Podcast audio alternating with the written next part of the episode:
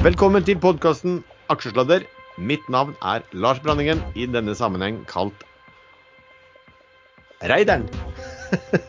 og med meg har jeg, som vanlig Nå trodde jeg du skulle finne på et helt nytt kallenavn og ta oss eh, begge på senga her. Men eh, jeg er fortsatt en trader som heter Sven Ege Larsen, og eh, starter godt mot i det nye året. Og jeg er som nesten alltid Jalla-kongen. Jalla-trader-spesialisten. Og håper inderlig at Lars ikke skal ta oss på senga. Uh, først og fremst så kan vi vel alle ønske alle våre ryttere et riktig godt nytt år. Håper det blir et strålende børsår for deg som eh, hører på. Eh, så må vi ta jeg, jeg, jeg, håper jo ikke det, da. Jeg håper jo at det blir et strålende børsår for meg, primært. da. ja, altså Det var kanskje et forsøk på å være hyggelig, da, som, som, som var litt gjennomskuelig. For vi, vi, er vel alle sånn at vi, vi, ønsker vel at våre egne aksjer skal gå veldig bra, mens alle aksjer, andre aksjer skal gå mot null, er ikke det så? Jo. Jo, for de skal vi ta etterpå. Yes. Ja. Sant. Eh, disclaimer gir ingen råd. Dersom du hører på hva vi sier her om markedet, aksjer, enkeltaksjer og livet for øvrig, er ansvaret helt og holdent ditt eget. Når vi spiller inn uh, programmet, så kan det forekomme feil i det vi sier. Panel og panelgjester kan være langt, kort, direkte eller indirekte eksponert i aksjer og produkter som omtales i programmet. Ok, eh, Siste gang vi hadde en eh, sending nå, var faktisk eh, litt etter, altså rundt midten av desember. Vi har fått noen klager fra enkelte som eh, bruker å ta sendingene våre og høre på de på, mens de går seg en god, lang treningstur på lørdag. Og de påstår at siden vi ikke har spilt inn dette her, så har det, det eh, resultert i vektøkning. Så det får vi jo beklage. Uh, skal vi da starte, det har jo gått en del uker, men kan ikke du si litt, eh, starte du Sven, med hva, hva du har gjort liksom, gjennom nå, hva skal du si, jule- og nyttårsperioden i markedet? Nå ber du om mye, men uh, jeg er veldig skuffa i år pga. at uh, julekulene, eller nyttårsrakettene, kom med våt lunte. Det var veldig, i hvert fall mine, hadde vanskelig for å, å, stige. Så jeg solgte faktisk de, de, som jeg hadde tatt eh, i den buketten eh, før nyttår. Eh, Småtreda litt i romjulen. Jeg syns det var veldig Altså i år var det veldig kjedelig for, i forhold til andre år. Nå på nyåret så har det vært litt mer volatilitet i markedet, og det setter jeg jo eh, stor pris på. Så jeg har trada veldig mye, bortsett fra en som dere sikkert kommer til å snakke masse om, som heter Kvekk. Eh, der har jeg holdt meg vekk. Uh, for den har jeg ikke helt Altså, jeg har jo skjønt tegningen, men uh, jeg valgte likevel å ikke bli med på galskapen. Uh, og så Nei, egentlig veldig fornøyd. Jeg har ikke gjort de helt store tingene. Jeg har kjøpt litt aksjer i null, faktisk, som jeg har lyst til å snakke om litt senere i programmet. Erlend, hva har du gjort? Ja, jeg skjønner ikke helt hva Sven Egil sier på seg mener med at det blir kjedelig i jula. Det tok jo helt fyr i kanadiske Questere, QSE. Og der var jo jeg da allerede før jul godt posisjonert. Så det ble en ordentlig hyggelig romjulshelg. Og det fortsatte ut de første dagene i januar, så det ble årets beste trade Eh, i totalt sett eh, veldig god start på året. Eh, jeg, jeg, skjønner, jeg, skjønner nå at det var en veldig god periode for deg når du klarer å si romjulshelg, i og med at romjulen var fra mandag til fredag. ja. Romjul er helg uansett. Sånn er det bare. Men ellers, utenom denne, har du, har du gjort noe spillende ellers? Ja, jeg har tapt ut penger på å prøve å trede onko, onkoseptides. Det er sikkert fordi jeg aldri klarer å lære meg det navnet. Men det er ikke mye penger, men bare sånn inn fordi jeg trodde det skulle opp og så ut igjen. Softox sier jeg at jeg har så vidt rørt bortom her.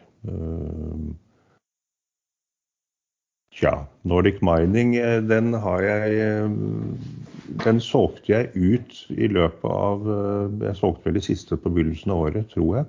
Hvis ikke det var rett før nyttår.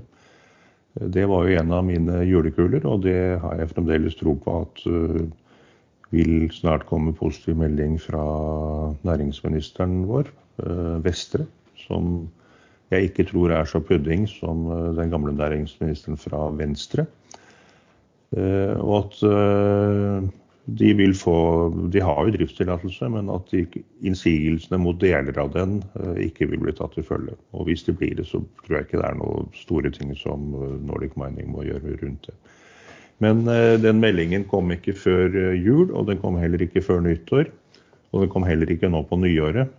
Og da erfaringsmessig så Når ting først begynner å ta tid, så tar det gjerne enda lengre tid. Så da solgte jeg unna.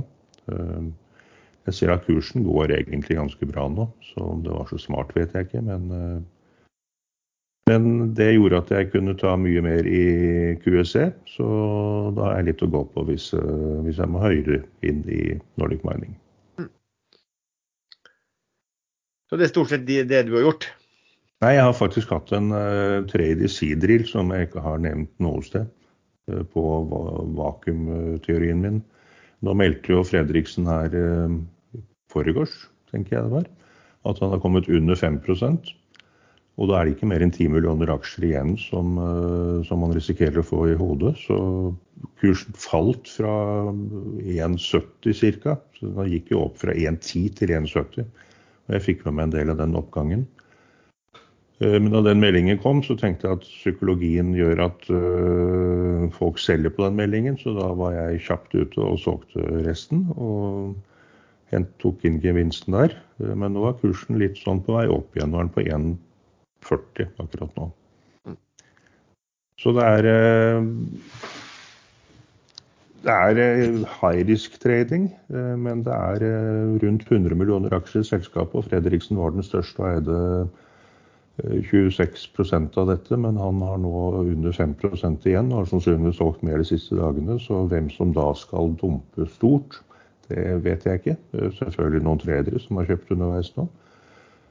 Eh, det går ikke an å låne aksjer i selskapet, så det er umulig å shorte den. Kanskje noen småbeløp, men det er ikke noe som klarer å stoppe en oppgang hvis noen store først eh, tar tak i den her og bare driver den opp. Sånn men, når, men, når, kommer de milliardene av aksjer som skal det er usikkert, den kursen ned? Jeg vet Sidril er Bermuda-registrert. Eh, men de skriver selv på sin hjemmeside at de følger norsk corporate governance-regler. Eh, så jeg vet faktisk ikke om de må ha en ekstraordinær generalforsamling eh, for å vedta utstedelsen av disse milliardene aksjene, eller om det plutselig kommer en børsmelding i morgen. Eh, ikke i morgen, da er det lørdag, men mandag morgen. At aksjene nå er utstedt og kommer ut i markedet. Så jeg har sendt en mail til ledelsen for å sjekke ut om hva som egentlig er tilfellet. Hvis det kommer en innkalling til generalforsamling, så er det jo da de vanlige fire ukene hvor det, man vet at selskapet er reddet. Det kan ikke konke. Eh, man vet også at kursen skal ned til, til de teoretisk 25 ørene, i hvert fall ned rundt dit, når de nye aksjene kommer. Eh, men eh, tiden fram til det, så kan det skje mye moro i sånne aksjer. Og det har vist seg gang på gang. Ja, inntil eh, musikken tar slutt, og de går på en ja. pro, pro, som, som, de som satt i Prosef og trodde det var gøy også. Ikke det kan vi snakke litt, eh, litt senere om. Uh, ja, for min del så jeg snudde ganske mye om på ting eh, som jeg liker å gjøre ved nyttår også, når man skal tenke litt om.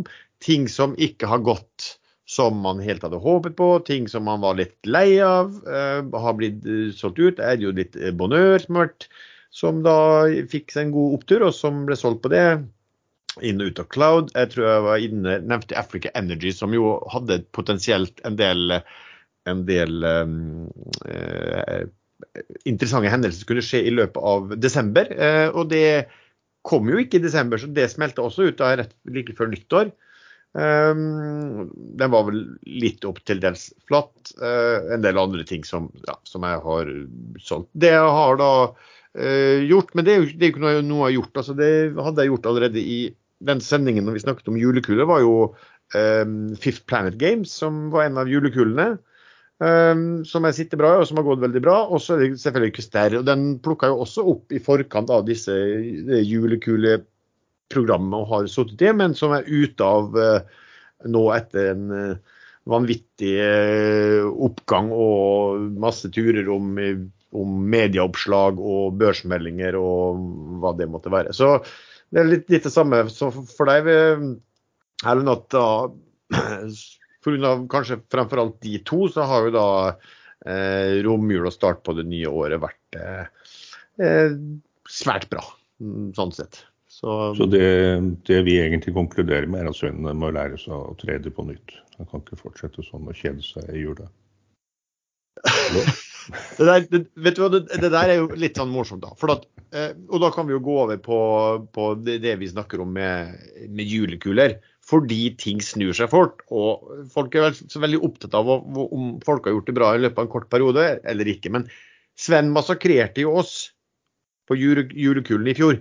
Ja, helt. Det var begredelig. Ja. Og, men, mens i, i, år så har det her da sett uh, blitt seende veldig annerledes ut. Jeg vet ikke hva uh, Jeg tok bare brukte den uh, Skal vi gjøre en liten oppsummering, så tok jeg da den sluttkursen i går. De er vel ganske like i dag. og da er dine ned dine ned 5% Sven. Erlend sine dine ned 4 uh, eh, og, min, og, mine var opp 14 uh, Og de Men du, du, du, du, du, du. Du, ja. du har ikke lurt deg til å ta med den kvekken Nei. i, i lista di? Nei, Nei, det, det var, bra. Og det var veldig synd, for det var den siste som forsvant ut. Og den kom ikke med fordi at jeg skulle kjøpe mer av den. Hvis ikke hadde det jo vært pluss 50 noen ting prosent på ja, Men nå ble jeg faktisk enda leiere. Eh, enda leiere meg. Fordi at eh, Det betyr at du har tjent enda mer penger? Eh, ja. Mye mer, ja. ja. eh, Faen! Ja. Den, den, som ble av de vi snakket om, som da ble den store beste julekulen, var jo da um, Five, five uh, Fifth Planet Games, som steg eh, nesten 60 Eh, og så husker jeg at Erlend hadde en liten innsigelse på at det, skjedde mye den dagen, og det er ikke riktig også, den dagen vi kom med disse eh, julekuleforslagene våre, som da vi spilte inn tidlig på morgenen. Eh, så steg jo kursen mye den dagen, og det jeg nevnte nå, da brukte vi sluttkursen på, fred, på den fredagen.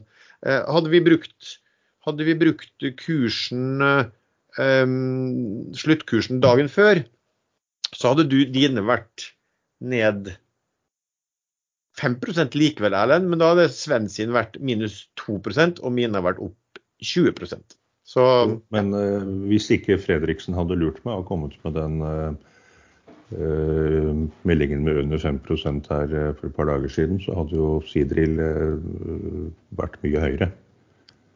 Ja ja. Hvis. Hvis. Ja, men jeg bare Hvis. nevner det. Ja da. Eh, hvis den hadde vært Men du, du, måtte jo hatt ganske mye da for å, for å, ta igjen sånn. Men sånn sett er det jo litt Jeg husker året før så hadde jeg med den der Inser også, som så kjempebra ut og lå kjempebra Helt til det kom en, en sånn melding på den også, som, som så, eh, som så eh, ja, torpederte kursen. Men Sven, eh, nå, nå, er det ikke vi, vi snakker om det som jeg tenkte på når jeg, når jeg så dine julekuler. Det var vel én ting som slo meg. Det var at du satset på grønt som julekule i år. Og det er vel det du fikk smellen for, da? Ja, jeg liker ikke så godt for mye farge på treet, så jeg valgte grønne kuler. Så eh, da blir jeg litt sånn litt usynlig eh, i forhold til eh, resten av julepynten. da. Men uh, ja, uh, men jeg har dratt lærdom av dette her. Fordi at jeg skjønner nå at det sitter en hel haug med folk som er stuck i disse grønne selskapene. Som ingen og ingen som hadde lyst til å pumpe opp uh, noen av dem. Eh, og det kan tyde på at uh, kommer det en liten oppgang, en nyhet eller et eller annet i disse aksjene, så kommer folk til å selge som faen. Så jeg tror det er egentlig bare lurt å holde seg litt unna. Jeg så òg at han Hermanrud sa at grønne aksjer skulle krakke i 2022. Og det er fra en mann som sa liksom at ca. skulle stige tigangen fra 16 kroner. Nå er han 8. Så folk endrer mening, men det må jo faktisk være Det er jo veldig godt. Det er jo veldig bra at man klarer det. Ja. Men man burde kanskje si fra at jeg tok feil, når man endrer mening. Ja, men nå er han i en annen rolle, vet du. For nå, er, nå, er, nå, er han ikke Nå skal han ikke pumpe aksjer som skal hente penger i et meglerhus. Nå er han jo eh, sånn som oss. Skal tjene penger på egne ferdigheter. Eller, Men- uf eller uferdigheter. Men det han eh, sa, det var at han er eh, short i en eh, haug med grønne aksjer og ligger i tapssonen vel, men han regner med å tjene penger på det. Jeg tipper han er Og- short Bergen Carbon. Men det skal man faktisk ikke le av. Man så jo på dotcom-døden når kursene raste og folk kjøpte dippene. Det tok jo lang, lang tid før man egentlig burde ha kjøpt dippene, og veldig få selskap man burde gjøre det i. Så at det kom altfor mange grønne selskap på børs i fjor til altfor høy prising, er det ikke noe tvil om, og det kan falle langt herfra før det snur. Jeg sier ikke at det kommer til å gjøre det, men det er, det er ikke noen grunn til at dette er bunnen. Eh, ja, det er, det er vanskelig. Altså, jeg tror nok det kommer til å komme mye penger inn i 2022 inn i grønne selskap også. Uh, på, på grunn av, Nå kommer jo den taksonomien, og, og, og myndighetene i masse land skal jo dytte penger den veien her også. Men det er klart, du har ikke sett så mye til. og Det er jo en del av disse selskapene som kommer på børs da, som, som, har, som har en veldig stor eh, altså de, de, de, taper masse penger. da, det går mye Cashflowen er svært negativ. Så det er klart når man begynner å nærme seg perioden og begynner å tenke på OK, nå begynner det å nærme seg tid hvor de må hente nye penger, så eh, blir, det, så blir man jo straffet eh, knallhardt for det også. Og det gjelder vel mange av disse selskapene som kom på børs, og kursen har bare falt og falt. Nå kan de ikke bruke aksjekursen som god valuta lenger når de skal hente. Så det blir jo massiv utvanning i de selskapene hvor kursen har falt, og de begynner å bli tomme for penger. Hva for en kule var det som eh, dro mest hos deg?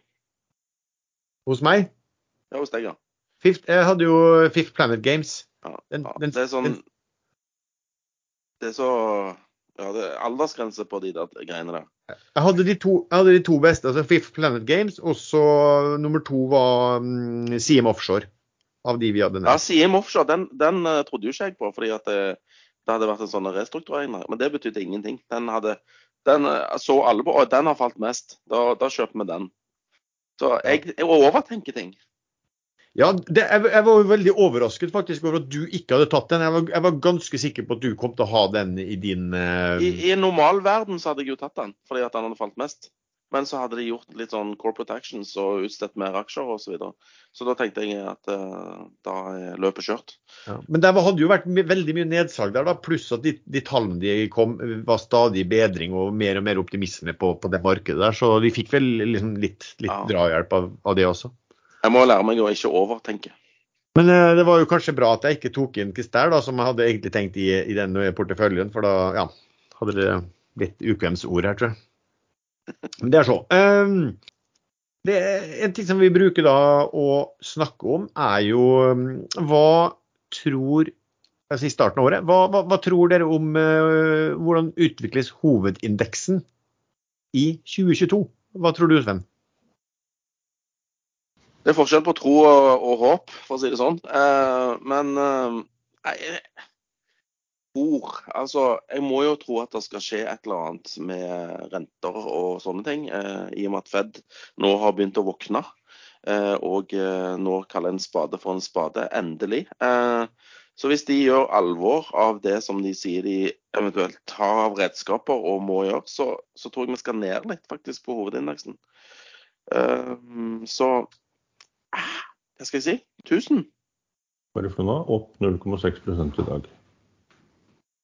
Etter at Fed har eh, sagt dette og Ja, men det var jo ned jo i bare går, da. Falt, eh, jo, jo, men SMP har bare falt fra. Så toppen er rundt eh, 4800, litt mer kanskje. Nå er den på 4700. Det er jo ingenting. Nei, jeg, jeg ser det at det, har ikke helt Men kanskje det ikke har helt gått opp for eh, folk hva som er, kan skje. Det er mulig. Men jeg, jeg, jeg, jeg sier ned eh, Det blir vel ned sånn ca. 20 det da. 10? 10% Ja. Eh, og hva tror du, uh, Erlend? Nei, jeg har rett og slett ikke peiling. Det, er- det er 100 ting som kan Det er ingen av oss som har peiling. Nei. Vi bare, Derfor er- ja.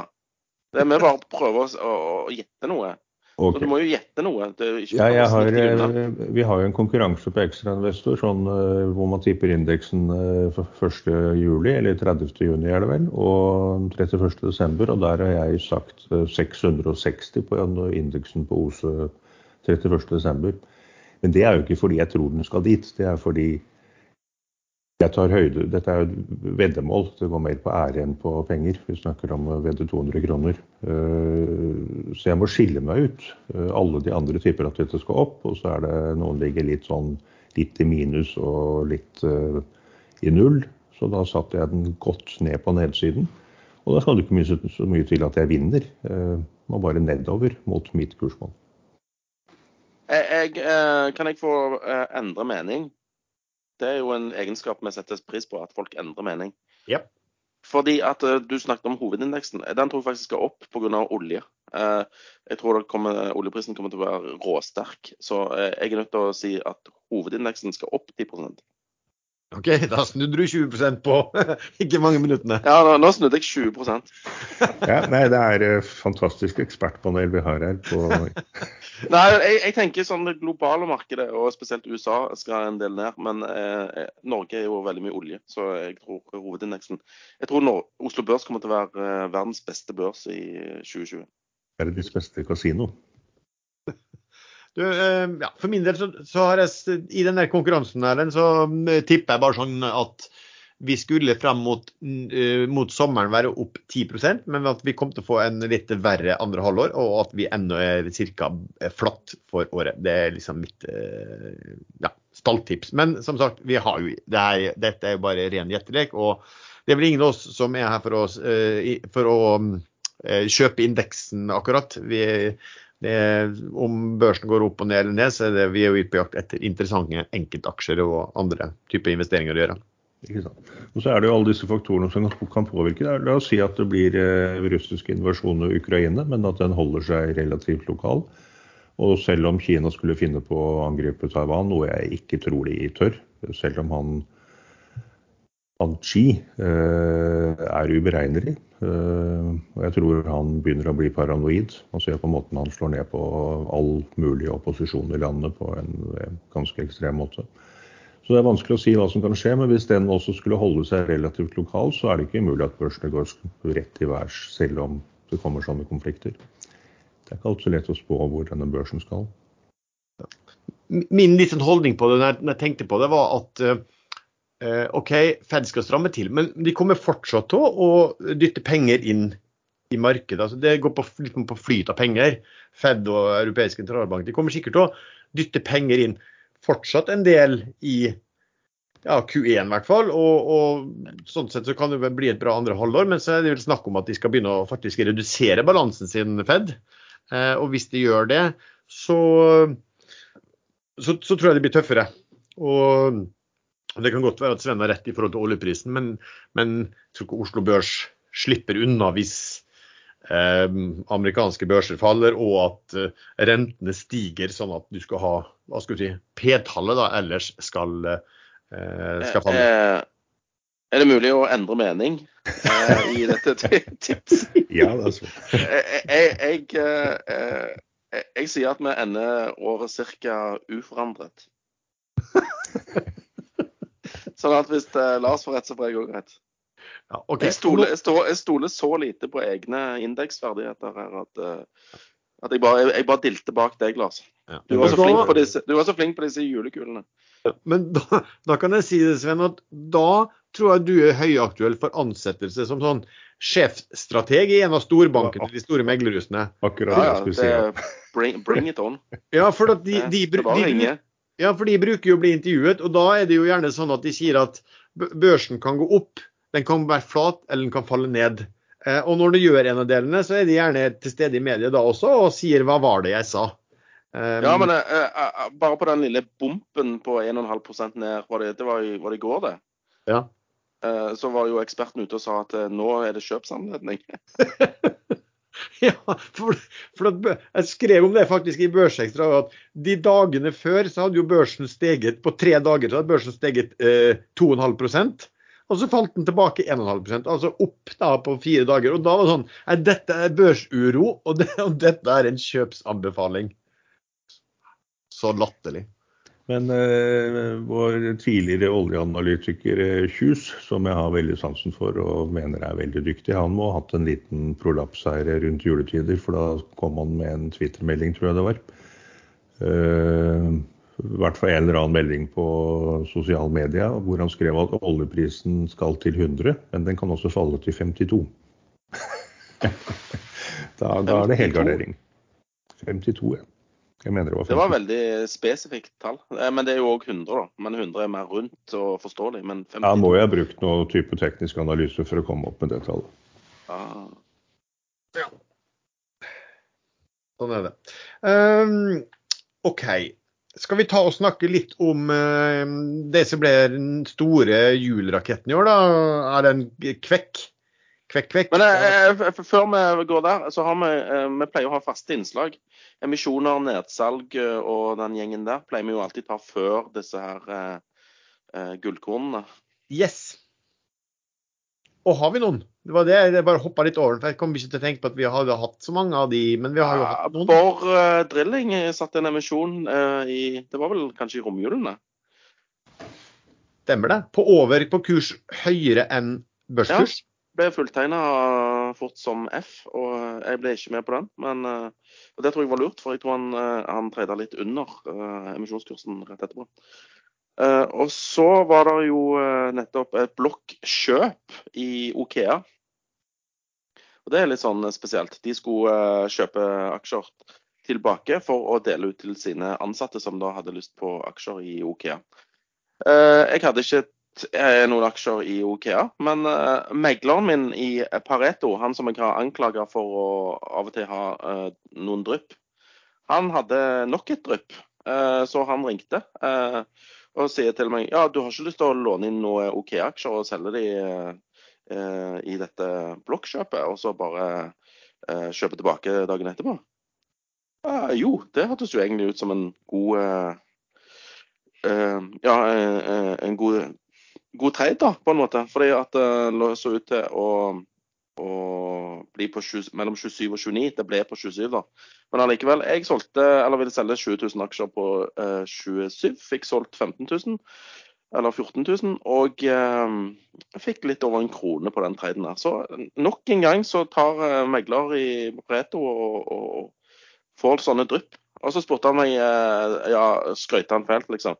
Ja, dette er fra megleren din som har slag, liksom. sånn. Så sier jeg nei, det er drypp. Ja, er det, noen forskjell, da? Jo da. fordi at når du har slag, så er det permanent. Når det er drypp, så varer det disse greiene sånn ca. en times tid. Og det kan godt stemme med de der gode ideene han plutselig får av og til. Så eh, ja. Det, er definitivt drypp.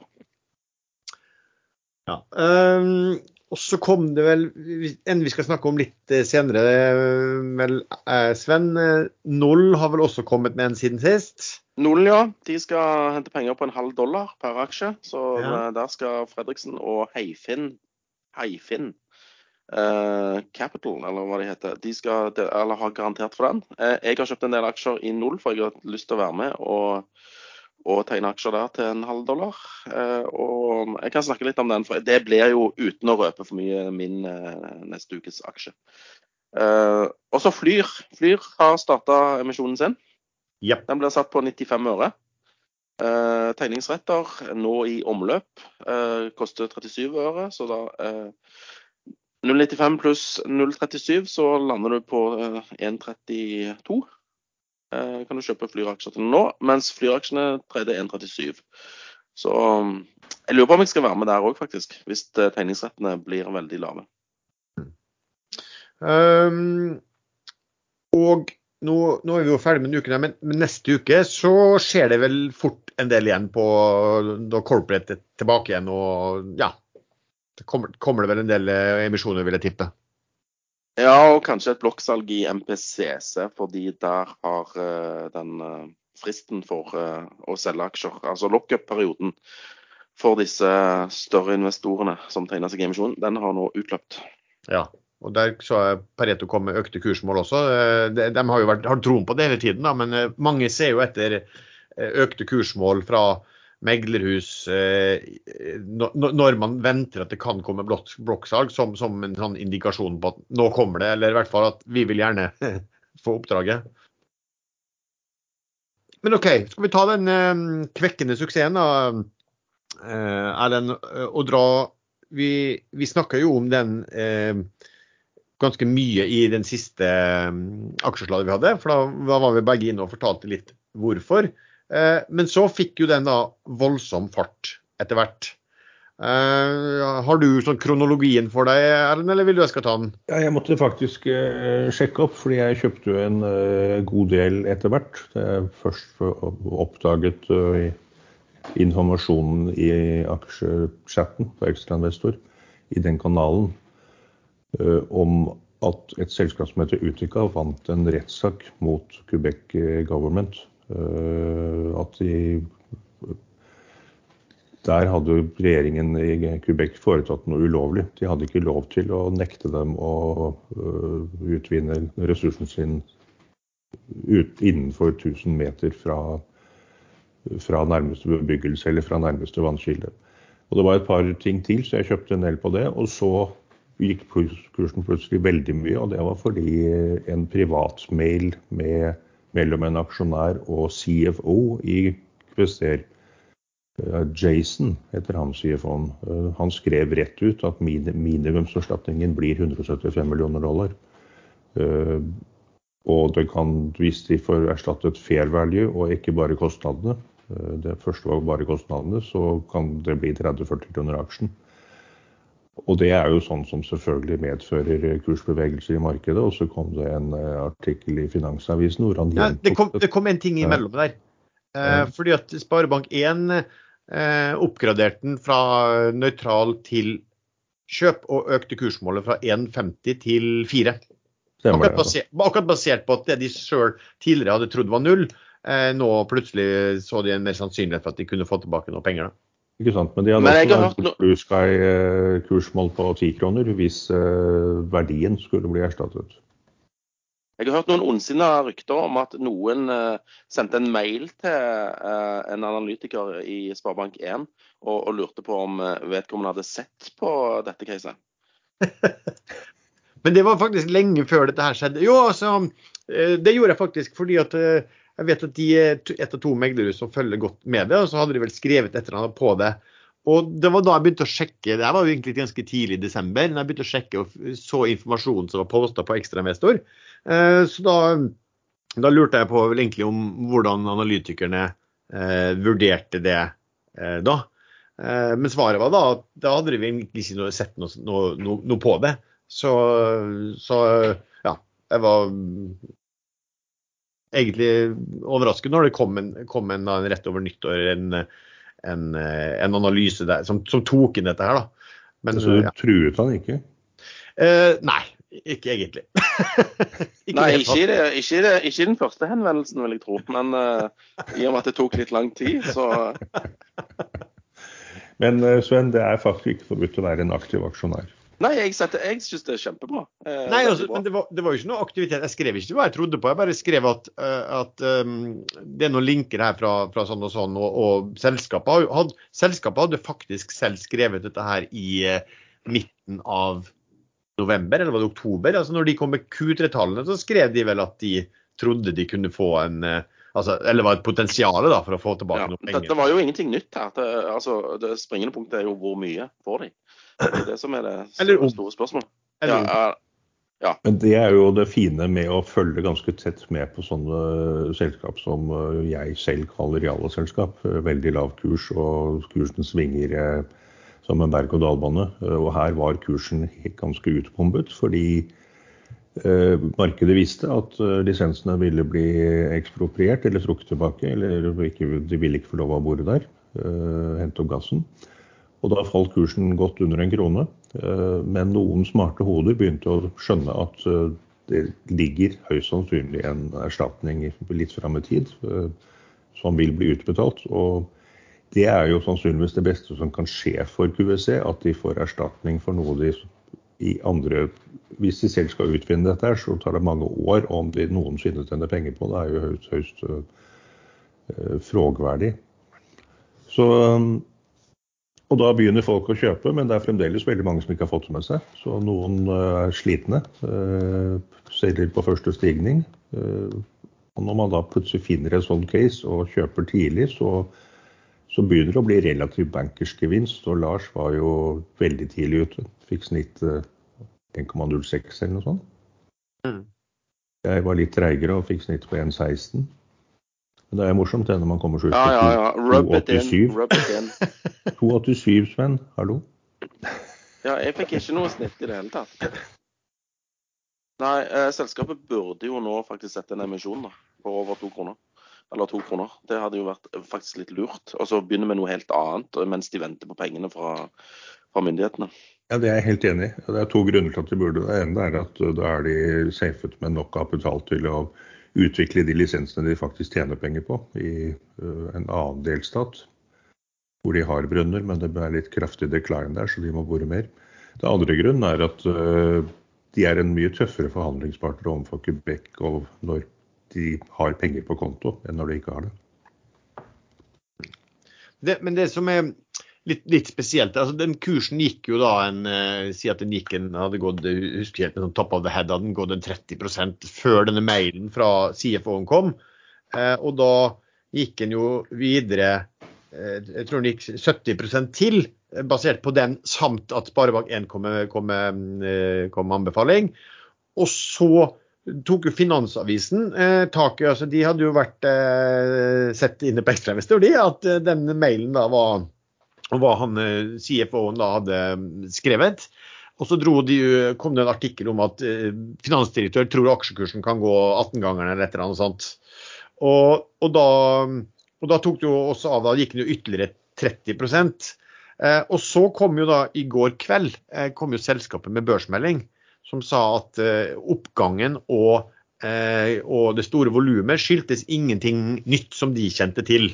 Det var ikke noe, var, var ikke noe nytt der. Så Finansavisen skrev i litt, morsomt at, at uh, først så skriver han at kursen til folk at kursen kan gå 18-gangeren, 18 og så skjønner han ingenting om, om kursoppgangen uh, i etterkant. Så det kan si at som, Hvis du begynner å skjære litt ned, det som er litt sånn spesielt der, var vel egentlig at denne finansdirektøren skrev liksom at nedsiden er at de får tilbake investert beløp. Det tror jeg ingen er enig og ikke selskapet. Og, og, så Det var jo kanskje det som var merkbart da, i den uh, meldingen fra selskapet, at de på ingen måte gjentok det uh, finansdirektøren hadde sendt i mail. Uh, det turte de ikke. Um, og så er det jo spørsmålet om, om, det er børsen som vil at de skal sende en sånn klargjørende, eller om det er, det er noen som mener at det kan være, at det kan være meglerhus også, som sier at dette må vi på en måte få, få klargjort hvis det skal hentes penger her. da litt merkelig av denne finansdirektøren da å mene at det var uh, worst case, uh, og i tillegg da ikke kåle de opsjonene som man hadde mulig å calle. Uh, ja, men det var tilbake i juni i sommer i hvert fall en gang, Sven. Og det var jo før Utvika vant rettssaken, og det var vel også før forbudet fra OK, ja, men da, da forstår jeg litt. Det var egentlig to helt forskjellige ja. situasjoner selskapet var i. Jo, men poenget til Sven er jo, er jo, godt, for det er jo noen ting vi spurte oss underveis. Også. Hvis det her skulle være slik, hvorfor har ikke ledelsen og styremedlemmer og innsidere kjøpt aksjer en masse på én krone? For det kunne man gjøre en god stund etter at eh, de uttalelsene hadde kommet i pressen i, i Quebec. Eh? Så det er, jo, det er jo et spørsmål hvorfor, hvorfor det ikke skjer. Altså, det, det, er i hvert fall et tegn da, for min del da, på at det at worst case ja at de får tilbake det beløpet, det, det ser jeg, jeg, ser på det som ren råhausing og, og, veldig useriøst. For hadde han trodd det, så hadde han kjøpt aksjer i eh, markedet straks. Ja, men han har vel fremdeles masse opsjoner som ikke er forholdt, er det ikke? Ja, men det spørs om de er på så veldig lave nivåer eh, lenger også, ikke sant. Ja.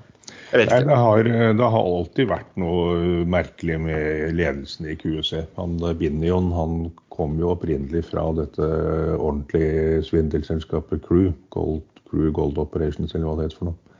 Han var vel CFO der òg. Og var der òg? CFO der. Men det er ettertid påstått at han hadde ingenting med, med ting og tang å gjøre. Så har de holdt på nå i QC nå siden i hvert fall 2009. Da var jeg vel på et uh, presentasjonsmøte på Continental og fikk veldig flotte snitter.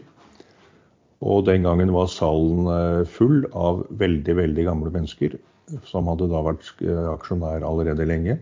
Eh, og jeg var den yngste. Det er sjelden jeg føler meg ung på en eller på en presentasjon. Og for å si det litt stygt, så vil jeg tro at 90% av de som satt i salen den gangen, de er jo nå dødsbo på aksjonærlisten. Så det har tatt tid i Equestero. og De har kjøpt noe lisens i Jordan som er 8 eh, milliarder oljeekvivalenter på. Det er jo bare bullshit, altså. Man må aldri ikke utvinne en dråpe skiferolje. Ikke, ikke skiferolje, men oilskifer. Så det er sånn skifer som er så full av tungolje at det går ikke an å pumpe den opp vanlig. Man må brenne og et eller annet teknikker for å få ut den oljen. Kina gjør sånn der nede i Jordan, faktisk, men ekstremt forurensende. Men i hvert fall sånn, sånn, sånn som jeg nevnte da i, i forrige episode, at når, når, jeg kjøpte det, så gjorde jeg, prøvde jeg vurderingen at på én krone da når jeg kjøpte, så var jo det at eh, det de hadde av feltet, burde dekke eh, børskursen da, og at man fikk eh, denne opsjon, en opsjon, da, kan du si, på at man kan få tilbake penger. At man fikk det gratis. Og det syns jeg var en veldig god, god deal. Eh, nå, nå, nå, nå, er jo kursen nå, er jo en god del av den, nå er den opsjonen blitt eh, vesentlig dyrere, kan du si. Eh, sånn sett, men, men, og det er veldig uvisst hva myndighetene både bestemmer og, ja, og, og hvordan det her går videre. Det kan vi vel si. Stor oppside, og hva skal vi si? Skal vi si at det er stor risiko og store uh, reward-muligheter fortsatt. Men, uh, men, du er skeptisk, Sven? Nei, jeg er bare sur fordi jeg ikke fikk være med. du fikk jo være med, du ville ikke. Turte ikke.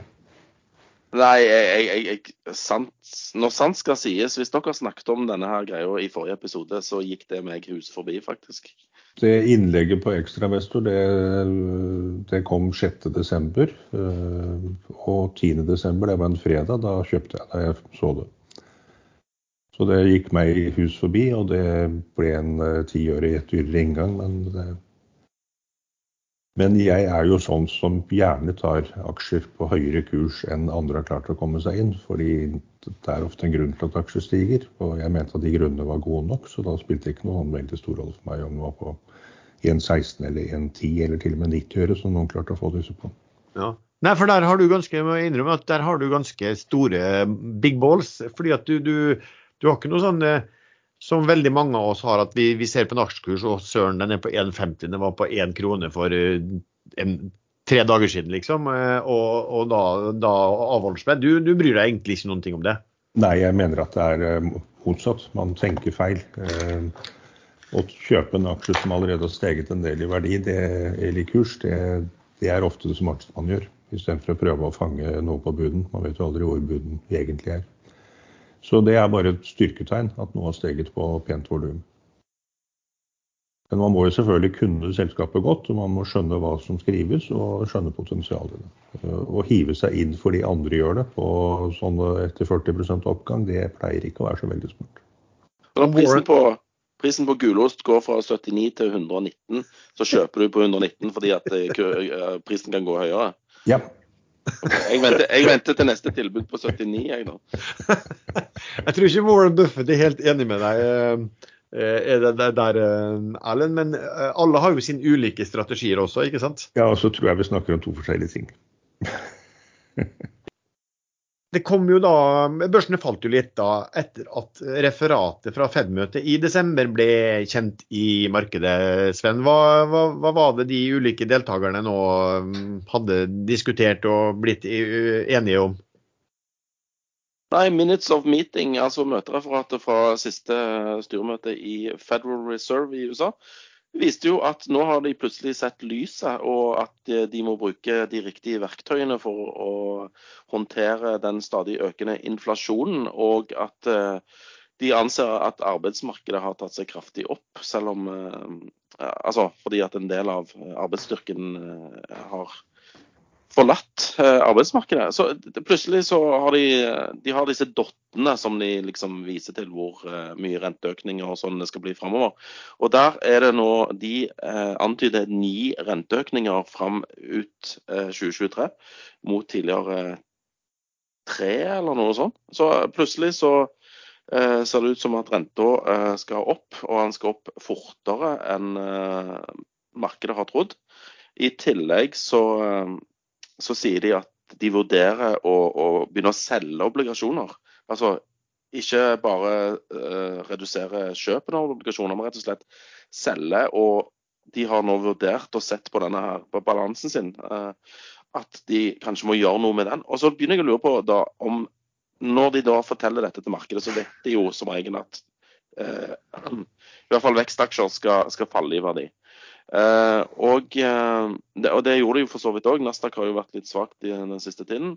Uh, og de bare liksom gjentar denne beskjeden. hva er det, Ellen? Ler du? Hva? Nei, det er, det er, kaffemaskinen min som skrudde seg av. Jeg glemte å gjøre det før sendingen. Ja, og nå fikk alle kaffesmak i munnen, kaffelukt i nesen, tenker jeg. Ja. Riktig. Nei, men uh, uansett også tyder det på at de har sett innsett alvoret i situasjonen. Uh, og du har sikkert òg uh, lest nyhetene rundt dette, Lars, så du kan jo eventuelt fylle inn der som jeg har glemt ting. Nei, det er vel at de, de vil speede opp tempoet. Altså, de, de, snakker, de, snakker, jo nå om å redusere også balansen sin. Um, Men det har de ikke gjort før? Nei, ikke sant. De prøvde jo en gang på det, og det var vel rundt var det 2018? Det var, det var 2018, og da fikk jo markedet panikk, så de måtte jo bare slutte med en gang. Ikke sant. Markedet falt vel da 15% eller noe, og det var jo mot slutten av året på det. Og da fikk, det er helt riktig, da fikk markedet panikk eh, når de begynte med det. Sånn har du ikke reagert nå ennå, da. Det er mulig at de ikke tror på det engang, um, for alt man vet. Men jeg så også han der Bullard var jo også ute og sa det at uh, altså, mange av disse på er ute og, og, og virker litt urolige i uttalelsene. Som at det er de som skal ende opp med svarteper, at de som skal få, få skylden for alt. da eh, for inflasjon og, alle mulige eh, ting i, i, i samfunnet. Og? Det har jo vært en måte at, at sant, jeg har sett fra amerikanske hold at man sier liksom at det er Fed som har bidratt til en uheldig samfunnsutvikling der forskjellen mellom rike og fattige har blitt Eller rett og slett rike og middelklassen tror jeg du skulle si, har blitt så mye større. Um, og, og, at de begynner å bli kanskje litt, uh, ja, litt, litt engstelige for, uh, for det, det, store eksperimentet mener de har holdt på med. Uh, så vi får vel se da hva som skjer, men det er klart at hvis du får rente opp og redusert balanse, så er det en, en, en veldig dårlig cocktail sånn isolert sett for, eh, for et, et, et, aksjemarked. Eh, det jeg skrev som, som er litt, kanskje litt interessant. Man skal huske på at når covid-krisen altså når den kom, så eh, begynte jo da Fed å trykke masse penger. Det de gjorde, var at de, de trykte penger, og så kjøpte de um, obligasjoner. Masse obligasjoner. Og drev prisene på obligasjoner opp i været det er jo masse store institusjonelle aktører som eier da eh, aksjer og obligasjoner. og Så har de gjerne en sånn balanse at ok, du skal eie 60% skal være i eh, aksjer, 40% altså oljefondet f.eks. 60% i aksjer, 40% i obligasjoner. Når da Fed går inn og så driver de opp prisene på obligasjoner, så vekta den plutselig mye mer eh, i porteføljen deres. Aksjene, aksjekursen hadde falt, obligasjonsprisen var på vei opp. Så det på den måten tvang de faktisk til å begynne å kjøpe aksjer. Men nå kan du få det motsatte. da, at hvis de begynner å skal ja, selge obligasjoner og, og, og, renten går opp, som, som normalt gjør at, altså, at, obligasjonene faller i pris, så får du plutselig sånn at da begynner aksjeandelen å bli større for disse aktørene. Eh, ergo de kan da bli tvunget til å selge aksjer for å, um, for å få andelen tilbake på normale nivåer. Så, så det her kan slå liksom og, og, gudene vet hva de kan slå på, sånne, på sånne electronic tradable funds og alt der som er knytta til indeksen også. Så det kan bli veldig spennende. Ja, skal vi si litt Vi har snakket en del om, om, om, om Prosafe. Du, du, liker jo det å snakke om disse vakuumcasene, men den er jo litt interessant i forhold til hva som skjer når sannhetens øyeblikk eh, kom. Hva skjedde da?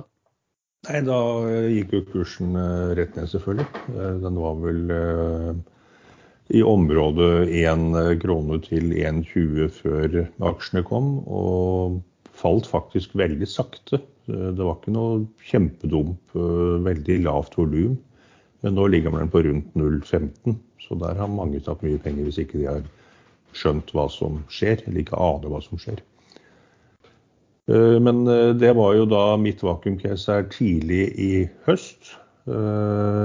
Eh, men så innkalte selskapet til generalforsamling og vedtok utstedelse av nye aksjer før hele prosessen var ferdig. Og da skrev jeg på Ekstramestor, jeg sa det vel også her, at nå er risikoen veldig høy, for nå kan disse aksjene komme når som helst. Og det tok noen uker før de kom, men de kom uten forvarsel. Og det er jo grunnlaget for et godt vakuumcase er at man vet at det er innkalt til generalforsamling, eh, og alt annet er klart. Og man vet at det er tre-fire uker til eh, aksjene kommer. Da tredes selskapet ofte helt vilt på de få aksjene som er i selskapet. Men her var risikoen altfor stor. Så jeg har ikke hatt den selv siden, eh, siden rundt oktober. Sven, så du, fikk men du fikk med deg hva dine, dine si, geografiske naboer eh, gjorde av kjøp i den aksjen? her? Var det en transaksjon som skjedde med bankene der? Så du det, Sven? Ja, Du mener at eh, Hightech Vision eh, tok kontakt med bankene for å spørre om å få lov å kjøpe deres aksjer til tre øre per stykk, noe de da fikk? Helt korrekt. Du blir, du blir, ikke bare blir du rekruttert til å være sjefstrateg, men du blir sånn nyhetsoppleser på TV snart også. Ja, kan gjøre det på kvelden. Du kunne nesten vært på nordkoreansk TV. Du, du syns det hørtes veldig nordkoreansk eller koreansk ut? Nei, du, du mangler litt på nordkoreanske Tonefallet? Uh, in, innlevelsen. Ja, litt den litt aggressive holdningen var kanskje ikke litt til stede. ja, nei, men uh, For å uh, komme til fasit, eller til konklusjonen. Uh, Hightech Vision kjøpte en del Hvor mange milliarder var det? Tre milliarder? aksjer til 3 øre per stykk. Og aksjen er på 15 øre fortsatt, så ja ja, you do the math. Jeg tror i den dealen også, men så var det vel at En lockup, ja. Ja, ja eller det var, det var vel en lockup, men det var også at bankene, hvis Hightech kjøpte aksjer av andre til høyere pris innenfor ja. seks måneder, så, så måtte de øke, øke prisen. da. Gjett hvor mange aksjer Hightech Vision kommer til å kjøpe innen seks måneder fra den prisen. Du får, du får tre alternativer. Ja, no Null, Sherlock, liksom. mange milliarder eller eh, 500 Nei, det, det, eneste er jo selvfølgelig hvis de mener at uh, det er faktisk verdt mer enn tre øre per uh, tre øre aksjen. Uh, at de kjøper mer for å få en enda større eierandel enn det rundt 26% de fikk. Ja, Men det er klart, det blir et regnestykke da når du, må, når du, må, begynne å øke prisen på det du allerede har kjøpt også for å gjøre det. Så vi får se. Det som var litt morsomt der, var jo da at eh, et eh, ekstrainvestormedlem med tilnavn Guru eh, faktisk la inn ordre der i dag. Så, jeg vet ikke om det ligger i ordrebildet nå, men det lå i hvert fall på ordre på 900 millioner aksjer på kjøp til 0,1 øre. Var, han var litt sur fordi ordresystemet nektet å ta imot ordre på 1 milliard. Det var, det var det høyeste, største antallet aksjer han noensinne hadde lagt inn i, én en ordre på, samtidig. Det er jo noe penger, det også. Sånn er det, men, men sånn, sånn, det kan skje da du, hvis du blir fanga inn eh, i, i sånne vakuumcase, sånn, litt sånn som vi snakket om på, mm, på um, Serial. Hvis du blir sittende der og, og, og, og, lurer på hva som skjer når, når, ja, når det kommer milliarder av aksjer til, til långiverne som bare vil, bare vil bli kvitt dem. Før vi går over til noe som vi alltid syns er gøy hvert år, Eh, black, snakke om Black Swans for det kommende året. Så jeg skulle bare nevne litt om utviklingen til eh, vår podkast i 2021. Det var ganske morsomt å se på. Eh, antall lyttinger er altså opp ca. 60% i 2021 kontra 2020. Jeg tror jeg regna ut sånn cirka at det var ble, men altså sånn ca. 50 eh, millioner lytterminutter i løpet av året. Og Det er ikke så verst, gutter. Ja? Nei, Det er bra. Sven, dette er jo konge for oss. Eh, kan det jo nå lett omsettes til penger. Og vi eier jo 33,33 ,33 hver, så jo, vi kan jo bli mange milliardærer. Ja, vi, vi, skal, vi, setter vel opp en sånn egen kryptovaluta. Sladdervalutaen, gjør vi ikke det? Nei, det skal vi heller ikke gjøre. Dette er non-profit organization. Og kommer alltid til å forbli det. Og jeg skjønner ikke de som gidder å høre på dette rælet, uansett. og bare for å sånn markere, vi eier faktisk 0% Vi tjener ingenting, og jeg måtte betale ståmekken min sjøl. Er... Hvis du hadde tatt vare på kvitteringen, så kunne du sendt den inn til finansavdelingen. Økonomiavdelingen. Sendte til Finanstilsynet. Det er så mye styr, så orket jeg ikke. Nei. Nei. Du får det elektronisk òg nå, hvis du kjøper på Elkjøp og sånn. Men vi fikk, det igjen, eh, vi fikk det igjen, eh, Sven, på det årlige julebordet vi pleier å avholde i Aksjesladder. I år tok det jo helt av. Jeg, jeg fikk ikke den invitasjonen. Nei, når jeg tenker meg så fikk ikke jeg heller den. men, men, men, den ble ganske bra, det julebordet, altså. Det må jeg si. Jeg, jeg, så, jeg, så, jeg så bilder av en sånn uh, oljesmurt uh, kalkun og champagneflasker på et bord der. Så det var kanskje det vi gikk glipp av. Ja. Jeg, jeg, trodde vel egentlig at det var dere to som var på det julebordet. Nå ble jeg litt usikker på hvem som var der, faktisk. men... Sånn om den saken. Du, Nå er vi eh, tilbake til eh, hva du snakket om seng og Lars eh, med begynnelsen av sendingen, Sven. Ja, at vi ble tatt på senga? Tatt på senga. Så, så Lars hadde da en sånn eh, deliriumsfase under det julebordet hvor han faktisk trodde han tok oss på senga. Dette er, dette er ikke bra i det hele tatt. Jeg blir litt småkvalm ennå. ja, du er ikke den eneste. OK. Men ta, altså, vi syns jo alltid det er gøy da å ha eh, våre Black Swans for året. Og vi, ikke snakke den... norsk, da. For, altså, dette er en norsk podkast. Resten av podkasten er jo på norsk. Sorte svaner. Var det norsk? Ja, du, du, kan snakke din egen dialekt, altså, men bare få det på norsk, liksom. Ja. Sort svane. Sort svane. Noe helt overraskende som kan komme til å skje. Og den ble jo litt legendarisk etter at uh, unge Henriksen uh, Eh, plukket fram en helt ukjent uh, virussykdom for, eh, for to år siden. I fjor, så, og da var jo også gameren med oss, da, da hadde vi tre, nei, fire, fire forslag. Mitt var at Fed kollapset. Altså du fikk en kollaps pga. policyen deres. Sven hadde en asteroide som skulle smelle ned i jorda og strengt tatt ta bort det som fantes av børs og alt annet. Uh, gameren hadde en uh, storkrig som involverte Kina. Og Erlend, du hadde vel en smell pga. covid 2.0, som du kalte det den gangen. Uh, Sven, hvem vant? Nå er, jeg, nå er jeg spent. Det var ingen som vant. dere kan bare være glad for at jeg ikke vant, i hvert fall. Men Sven, jeg satt jo faktisk da på hytta på Turufjell, den jeg låner innimellom, og så Ja, ja, ja, men vi har hørt den der at du har traumer etter Så jeg skal gi deg tre poeng, skal du få for den. Tre av hundre. OK. Men, men, hvis jeg hadde vunnet, så hadde vi jo ikke hatt mulighet til å, å, å, å gi meg den æren i en podkast eller uh, hvor som helst etterpå uansett. Ja, Men det tror jeg du ikke bryr deg om i det hele tatt. Du hadde bare vært glad for å vunnet. Nei, sånn, sånn, sett var det litt nedtur, Sven, å ha en sånn. Det var sånn kron jeg taper og mynt jeg taper. Ja.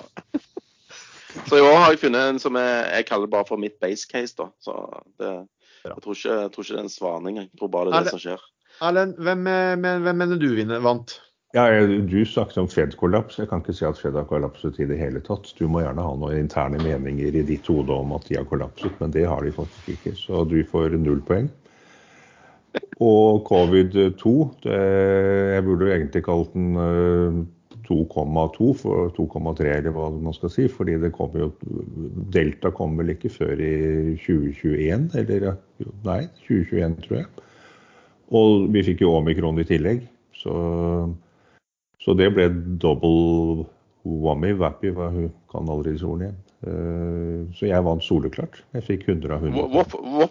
Det heter dobbel wopper med cheese. Altså, altså, eh, jeg vil si at eh, Sven må ha fått noe på den lille kula som traff et sted på Østlandet.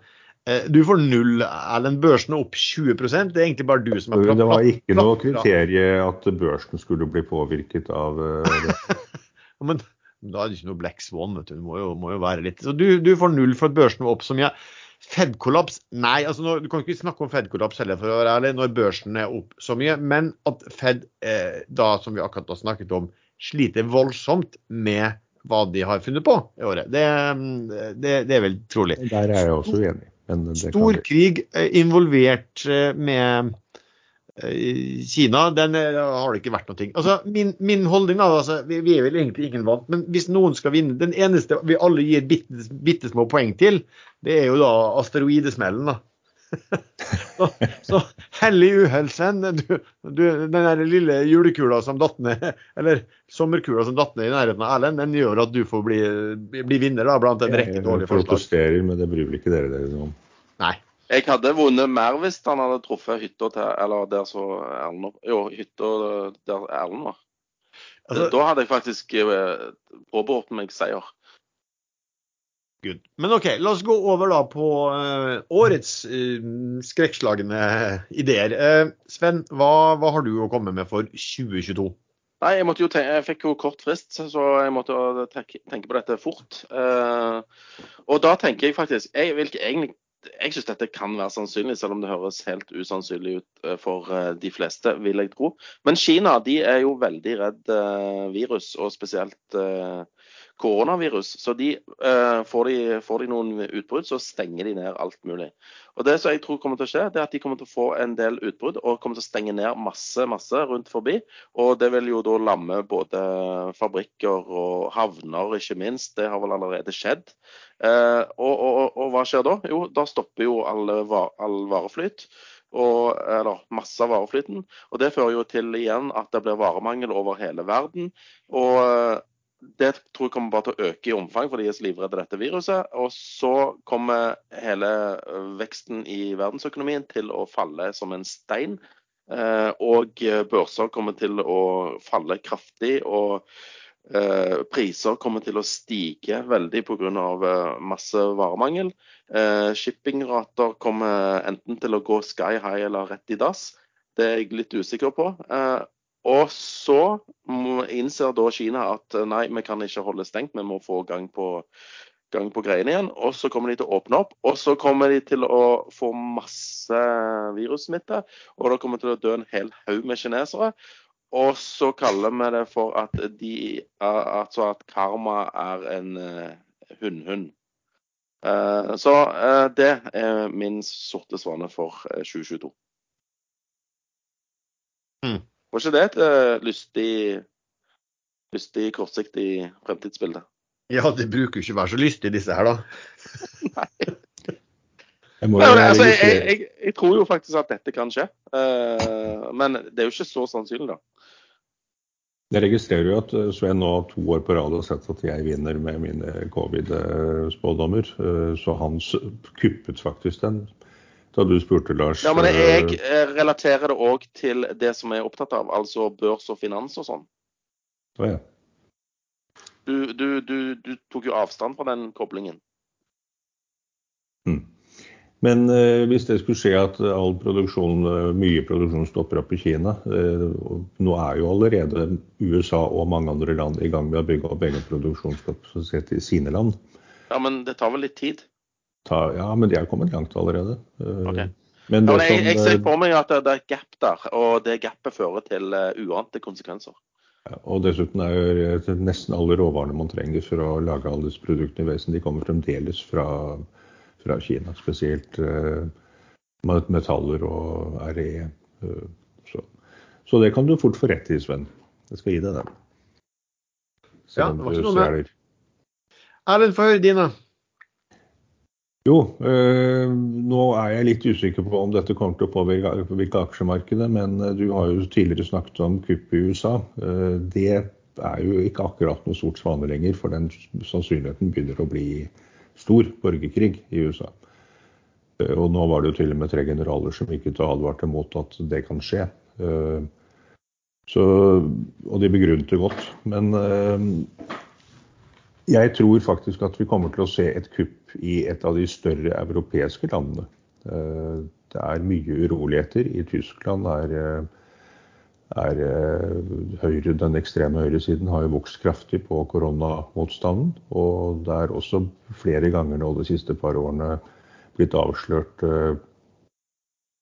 ikke sånn direkte planer, men det har blitt funnet våpenlagre. Og delstatsministeren i, i Bayern han kom på dødslisten til en fysisk dødsliste med, med, navn. Han skal drepes, og det var funnet våpen hos de som planla dette. her. Grunnen var at han var vaksine... Ikke direkte var vaksinemotstander, men han var motstander mot at noen skulle tvinges til å vaksineres, og snudde rundt da han så at vaksinene funker. Så han gikk fra å være negativ til vaksinepress til å bli til å bli veldig positiv, og offentlig gikk ut og sa at folk må forte seg å vaksinere seg. Og Det var nok til å få ham på dødsliste, og det var faktisk noe som kunne skjedd. Det, det ble avslørt sånn litt i siste øyeblikk. Så i Tyskland kan det skje, eh, men jeg har litt vanskelig for å tro at såpass godt organisert samfunn som Tyskland eh, vil at det vil, noen vil klare å få det til. Eh, så har vi Frankrike. Der er det mye større sjanse. Eh, Macron klarte jo nå ved uttalelser rundt juletider eller nå rett etter nyttår å si at de uvaksinerte skal få svi. De skal få kjenne det ordentlig på alle områder. Eh, og der er misnøyen allerede så stor at der kan mye skje. Eh, og det var den allerede før korona. Disse gule vestene de holdt jo på å demonstrere og ødelegge og på nyttårsaften ble det i år bare brent 850 biler eller noe sånt. Nå. En sånn morsom nyttårstradisjon de har der nede. Så Frankrike er eh, absolutt ikke umulig at det kan eh, skje et eh, kupp. Og det kan godt være militære. De militære i Frankrike er litt annerledes enn i andre land. Men eh, ingenting, i hvert fall ikke Frankrike, det vil jeg nesten ikke kalle en sort svane hvis det kommer et kupp der. For det, er rett og slett ikke utenkelig. Men i UK, i England, der tror jeg det kan komme et kupp. Og det begrunnes med at uh, brexit uh, medførte en del overraskelser for de som ikke hadde klart å tenke klart nok før brexit. Uh, så de sliter med import av varer. De sliter veldig med at polakker og andre østeuropeere som jobbet der før, plutselig ikke lenger kan jobbe og man måtte reise hjem. Så de har for få folk i alle ledd så har de hatt eh, to kriger i Irak og Afghanistan hvor de måtte vende hjem med halen mellom beina. Og politikere eh, har nektet dem store nok budsjetter. Så det er faktisk veldig stor misnøye blant yngre offiserer i UK mot måten de har blitt behandlet på. Og veldig mange har blitt drept i både Afghanistan og Irak fordi de ikke hadde riktig våpen og ikke nok våpen til å forsvare seg. Så det skal ikke så mye til at uh, noen yngre offiserer der borte tenker at dette gidder vi ikke lenger, uh, vi tar over. Uh, Boris Johnsen er jo en klovn og har alltid vært det, og går fra den ene blemmen etter den andre, så politiske systemet er kraftig svekket. Så da satser vi på at det blir kupp i UK i løpet av 2022. Og det, Hva tror du da vil skje med, med aksjemarkedet? Nei, det er det, da. Det, eh, andre land vil jo profitere hvis eh, UK eh, gjør seg dårlig. Og det blir jo ikke noe snakk om at de kommer til å angripe andre land uansett. Så det, det, er litt vanskelig å si. Men det, er jo noe som ikke skal kunne skje. Og hvis plutselig UK er et militærdiktator en periode, så kan jo det kanskje påvirke aksjemarkedet litt. Og hvis det først påvirkes litt, og det allerede er mye trøbbel i andre regioner og Fed eh, kommer med sine innstramminger, så kan det, det være dråpen da, som får det til å renne over. Så, altså hvis de som overtar der, det høres høyst usannsynlig ut der, men hvis de som overtar er litt sånn som han der Sjausjesko var i, i Romania, som, som, da bestemte hvilket lag som skulle vinne serie og, eh, og cupfinale, og, og, og, at de er Leeds-fans, så, så, kan det være at de får en viss sympati for meg. Ja, men jeg òg tenker primært i disse baner her nå. Hva skjer med Premier League i et sånn uh, scenario? For jeg har nettopp kjøpt ny TV, som er litt større enn den forrige, og veldig flott å se fotballkamper på. Så jeg håper for guds skyld at du ikke får uh, rett i dette. Erlend. Ja, nei, det gjør jeg sånn sett jeg. Har en sønn som bor i London. Men Eh, her har jeg faktisk, jeg går på en liten risiko her, for eh, hvis det nå skulle bli et skup der borte, og det kommer fram at jeg har allerede fortalt det her, og jeg har en sønn som bor der borte, så ligger jo han syltet an, da. Han, det er han som er liksom uh, såkornet i denne prosessen, er det det du prøver å si? Det, det vil fort bli oppfattet sånn, så han vil jo da bli grisearrestert og avhørt på en fotballstadion sammen med alle de andre tusenvis som interneres i en periode. Men det får han tåle. Eh, jeg har seks unger, så en fra eller til. Det kan ikke være det store problemet.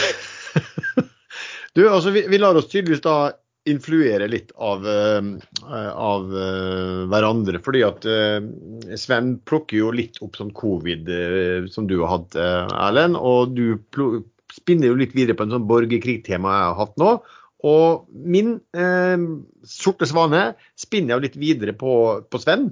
for dette er noen ting som kommer fra verdensrommet. Altså, det er jo slik da at sola Det kommer jo ofte sånne type sånne solstormer mot, eh, mot, jorda som man tåler bra. Sola har vært eh, i en ganske lang periode i en, i en hva skal si, en ganske eh, i en, i en, syklus da, hvor de, hvor de er lite, lite aktive på den fronten. Men nå går de inn i en sånn sterkere periode igjen. Eh, og eh, en ting er at du kan komme med den type mindre solstormer, men du kan få det som heter sånne supersolstormer. Og de, de, er litt annerledes fordi at de også medfører at det sendes ut store mengder plasma eh, mot jorda. Og det som da kan skje her, eh, er jo at mens, mens liksom kraftlinjer og kraftforsyningen er jo ofte litt sikre mot det, internett så er ikke internett sikra mot det i det hele tatt. Så eh, når dette her skjer, så er det da tydeligvis slik at eh, kabler og, og type sånne, sånne som, som, forsterker signalene rundt omkring eh, på internett, repeaters og sånn, de eh, klarer ikke å håndtere dette her. Um, så når du har kabler som går under sjø og alt der, så, så vil ikke de klare å håndtere dette her. Um, og uh, nå har ikke vi hatt sånn på, på, på, lang, lang tid. Det var vel egentlig en i 1859 og en i 1921. Men etter det så har vi da bygd opp internett. Og internett de, det vil ikke klare å, å håndtere dette her. Det, det, er ikke noen fri fantasi der. Dette er faktisk ikke lenge siden det kom en sånn studie eh, fra eh, folk på University of California til, til myndighetene. Um, som forutspådde hva som ville skje. Og her kan det også da skje at nett internett blir liggende nede i mange måneder. Eh, og skjer det, da mener jeg at da har vi en black swan ikke bare for samfunnet, men vi har en skikkelig black swan for, eh, for um, aksjemarkedet også. Nå er det jo disse nukleære siloene, rakettene, de er jo nå styrt mye gjennom cloud-systemet. Så jeg tror, jeg tror, det er andre ting vi skal bekymre oss for hvis det kommer en solstorm som lammer hele internett. Da kan det skje mye rart. Da vil jo ikke stormaktene lenger ha kontroll over hverandre og hva, de, hva det andre gjør. Men det er jo også sånn en sånn solstorm vil jo ikke ramme hele jorda. Den vil bare ramme den siden av jorda som er mot sola. Så hva skal man si? Hvis man er flaks, så er det Russland og Kina som tas ut, og ikke oss. Nei, jeg mener faktisk at studien jeg bare så på det, jeg mener at de sa at det, det, det kommer i altså det, det, er ikke sånn at det, boff, det kommer, det kommer over en viss periode. da, eh, Sånn at du, du, du, kommer til å rekke å få, få hele planeten eh, rammet av det. Ok, men Det er jo fair. Det er eh, rettferdig. Alle, alle skal få. Men det var jo det du snakket om i 1850, eller når det var, det var i USA. Da hadde de allerede lagt opp de, de første telegraflinjene, så det årstallet skal jeg ikke gå god for. Men uh, det skjedde jo det som nå vil skje med andre ting. Eh, det knistret og braket, og det ble antent branner hvor de var. Så at solstormen tar ut eh, elektriske ting, komponenter osv., det er helt sikkert. Det vet man vil skje. Og det, det, som er litt eh, trist, eller eh, litt merkelig, eller kanskje ikke så merkelig når vi så hvor dårlig forberedt verden var på en pandemi, det er at det er relativt enkelt å beskytte sånne komponenter mot en solstorm. Eh, det må byttes ut med andre typer, men verden skal, har i dag teknologi til å klare å produsere ting som gjør at vi ikke blir rammet på samme måte. Satellitter klarer vi ikke å beskytte, de blir tatt ut. Mange av dem. Men uh, hvordan vil dette påvirke UV-indeksen? Jeg har to døtre som er veldig opptatt av å sole seg når det er varmt og godt. Uh, vil da liksom Ja, Det blir sånn instantbruning. Det er bare å gå ut og sole seg. Ja, OK. Greit. Da skal jeg videreformidle den beskjeden. Han overlever sikkert et år eller to etterpå, så det er ikke noe problem. Nei, jeg tror ikke det, det, det her har noen sånn innvirkning der på den, på den plasmaen sånn sett. Det er ikke noe som har, som har skrevet noe om det som jeg kan se på som befolkningen. Det er vel på, på den type komponenter, da. Eh, kabler og, og, og ja, repeaters og alt der som, som Pacemakere, kanskje? ja, det kan kanskje bli mye. Nei, jeg vet faktisk ikke, men nå har vi jo da Sven har jo tilbudt seg å ofre sine to døtre som prøvekaniner, så da vet vi det etterpå, i hvert fall.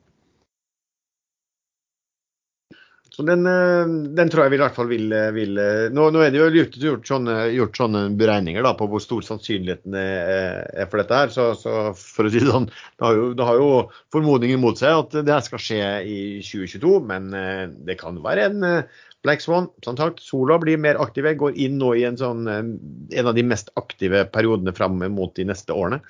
Så, og, og, og, dette vil, vil, jo skje, det er vel eh, forskerne enige om. At det kommer til, kommer til å komme en sånn super uh, supersolstorm mot jorda.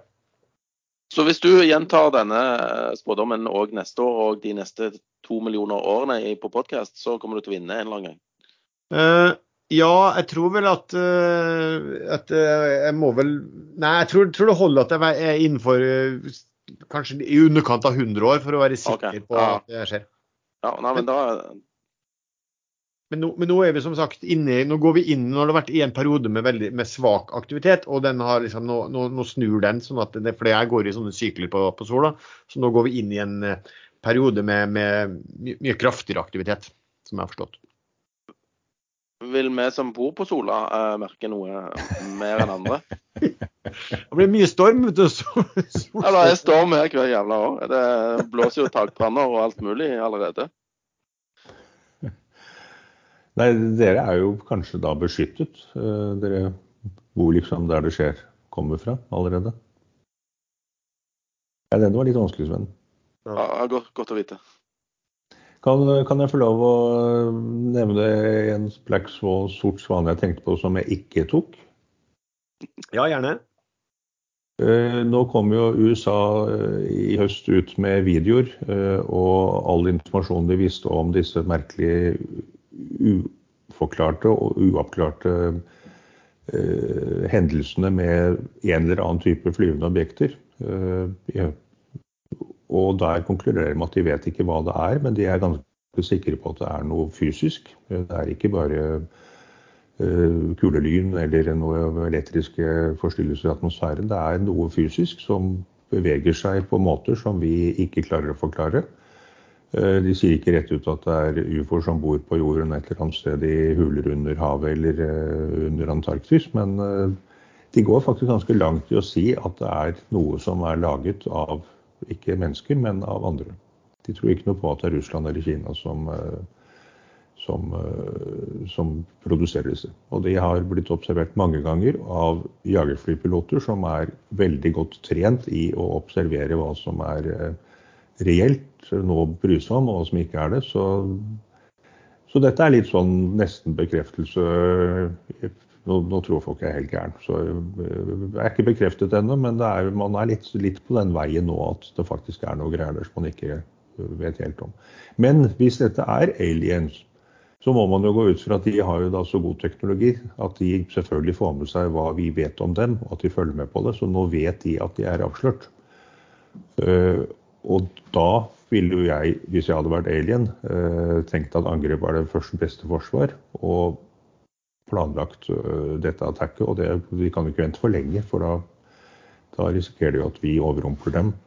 Så ja, aliensangrep det kan også komme i 2022. Men, men, men, men det, dette hadde jo jeg i fjor. Jeg sa jo et ja, eller annet fra verdensrommet. Ja, men dette er ikke fra verdensrommet, dette er fra jorda. De bor her allerede. Oh. Ja. Men vet du hva, det er jo faktisk, den der rapporten her er jo veldig interessant. Og det er faktisk veldig interessant med de flyverne som, som, som, som har fortalt hva de, hva de så også. Men det er jo faktisk ganske mange år siden en del av de incidentene har, eh, har, har skjedd. Så det, det, det, du sier er egentlig at det er jo at de aliens må ha ventet til de, til de kunne lese rapporten selv. Ja, ikke sant. Og, og, og funnet at de er avslørt. Så kanskje de går, kanskje de går iblant oss eh, i det daglige. Det vet du Ja, jeg har eh, noen jeg kjenner som eh, absolutt passer inn i en sånn kategori at de, de må være aliens. Ganske aliens. Men, men jeg kjenner også en del sånne, men, men, jeg, men jeg tviler egentlig på at de har tilgang til så veldig mye eh, høyerestående intelligens eller teknologi. Nerdene eh, blant oss, de kan absolutt være aliens. Det er, der, der er det mye rart. Jeg tror kanskje Bill Gates er en sånn. Han kan være alien. ja. Men også han, har dere sett på CNN, han hvithårete som har sånn kveldsvakt. I litt sånn primetime, jeg husker aldri navnet hans, men helt hvitt hår. Eh, Han er så strigla og så stram i huden at han må jo være alien. Det er jeg helt sikker på. Er det Wolf Blitzer du Nei, snakker om? ikke han. Ja, han er helt glatte. Ja. Nei, Wolf Blitzer han eh, var jo til stede i eh, den ambassaden som ble stormet nede i Libya. Der var han inne i bygningen da det skjedde. Så han har eh, litt erfaring fra ting som skjer overraskende. Men vi kan forberede oss litt, for det, ligger, det ligger jo en sånn serie jeg lurer på om den ligger på TV 2 eller noe sånt, som handler om en eller annen, husker ikke hva den heter, det handler om en sånn alien som krasjer på jorda, og som itar seg, han tar knekken på en kar og itar seg hans skikkelse og, og, og jobb og alt sammen, som er egentlig ganske, ganske festlig. Så kanskje til og med Alien som har lagd den, den, den serien, for å være Den gamle første versjonen av den filmen den så jeg på hytta da jeg var sånn rundt eh, ti år. På en hytte ute på Rødtangen. På svart-hvitt-TV selvfølgelig, og alien som kom og inntok kroppen. Og hvis man sovnet, så ble man overtatt. Det tror jeg var Donald Sutherland som spilte i. Da sov jeg litt dårlig den natten, det skal jeg innrømme. Jeg hadde et par andre som jeg tenkte på. Det ene var at det kommer opp, altså vi gjør en sånn stor oppdagelse på noen ny energi, altså fusjonsenergi eller et eller annet sånt, da, som, som gjør at energiselskapene og, uh, knekker sammen. Det andre var, tenkte jeg på, var, var virus satt ut av enten kunne være Russland eller Nord-Korea som, som eh, stanset opp kraftforsyningen eh, i, i hvert fall del, deler av verden. sånn sett også. Det var liksom ting som jeg satt og hadde en vurdering på Og ta. Og Men det er sola helt vant. reelt. Og det er eh, Der har jo amerikanske øh, Hvilket verk det var vel de som forsyner landet med elektrisitet. De har beregnet at hvis Nord-Korea klarer å hacke det systemet der, så vil, vil systemet ligge nede i ca. to år før man får lov å gå igjen. Det er en sånn risikorapport som Kongressen har visst om i flere år, og ikke gjør egentlig noe sånn veldig med. OK, da har vi i hvert fall gått gjennom eh, noen eh, våre Black Swans for 2022. Det blir jo eh, spennende å se det.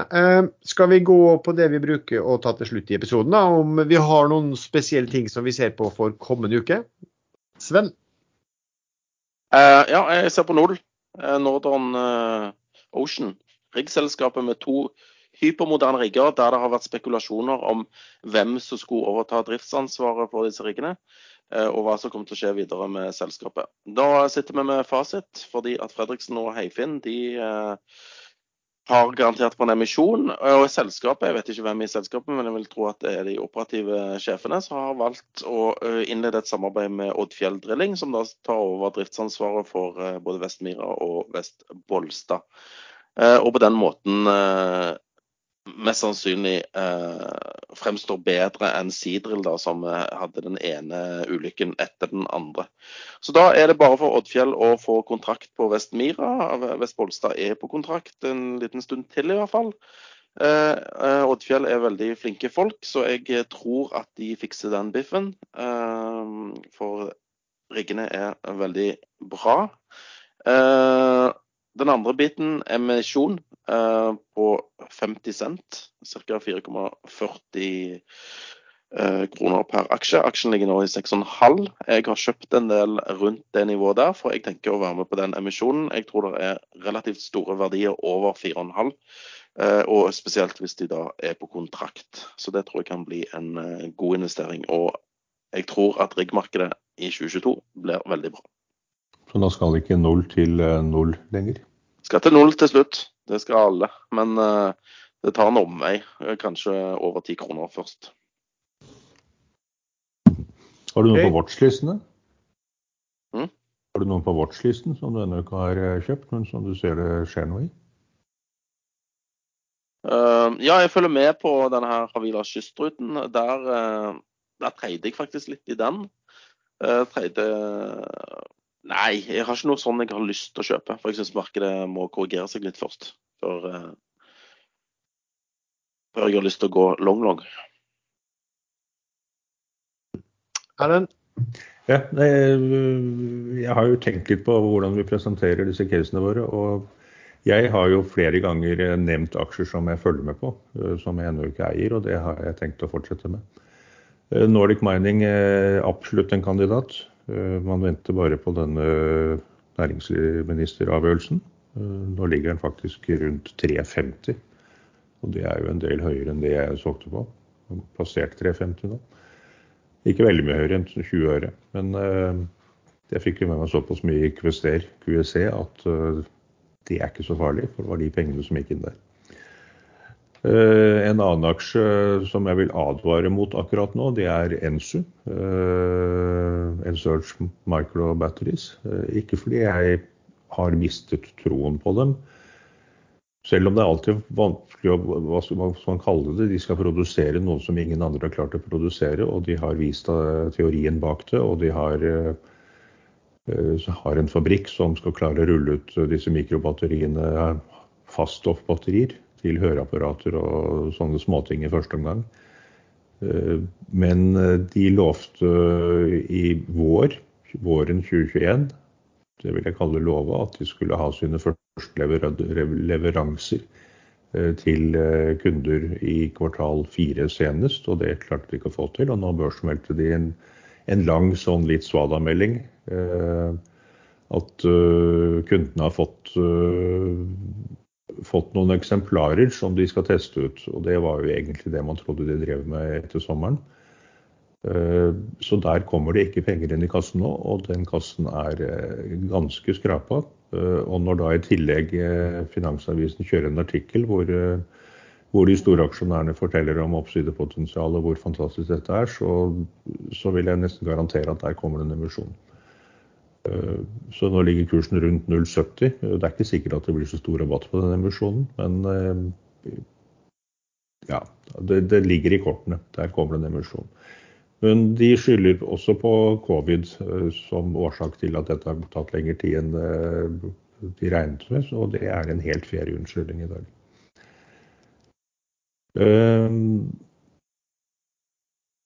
QSC, der eh, velger jeg selv å avvente nå.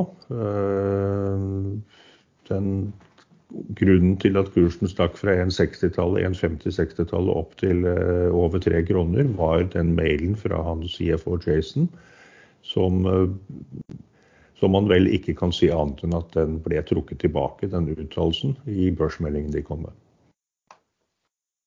Så nå ligger den på 2,50. Eh, var den startet veldig lavt i dag. Jeg burde jo skjønt at eh, når den startet på 2,30-tallet, så burde man bare kjøpt åpent. 2,40 starter den vel på. Og bundet ut på 2,37, og så gikk den opp til nesten 3 igjen. Det er jo sånn det ofte er. Når det starter så lavt, så utløses det en del stopp-loss samtidig. Folk som ikke følger med og kanskje sletter stopp-lossen. Så da starter de for lavt, og det er oppside. Men nå, nå, ser den ganske død ut. Nå er den liksom ikke, Det er ikke noe futt i den akkurat nå.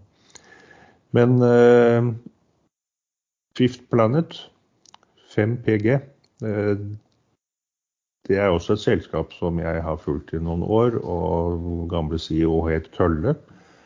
Dansk selskap notert i Norge. Eh, det var jo veldig mye morsomme kommentarer rundt navnet til herr Kølle.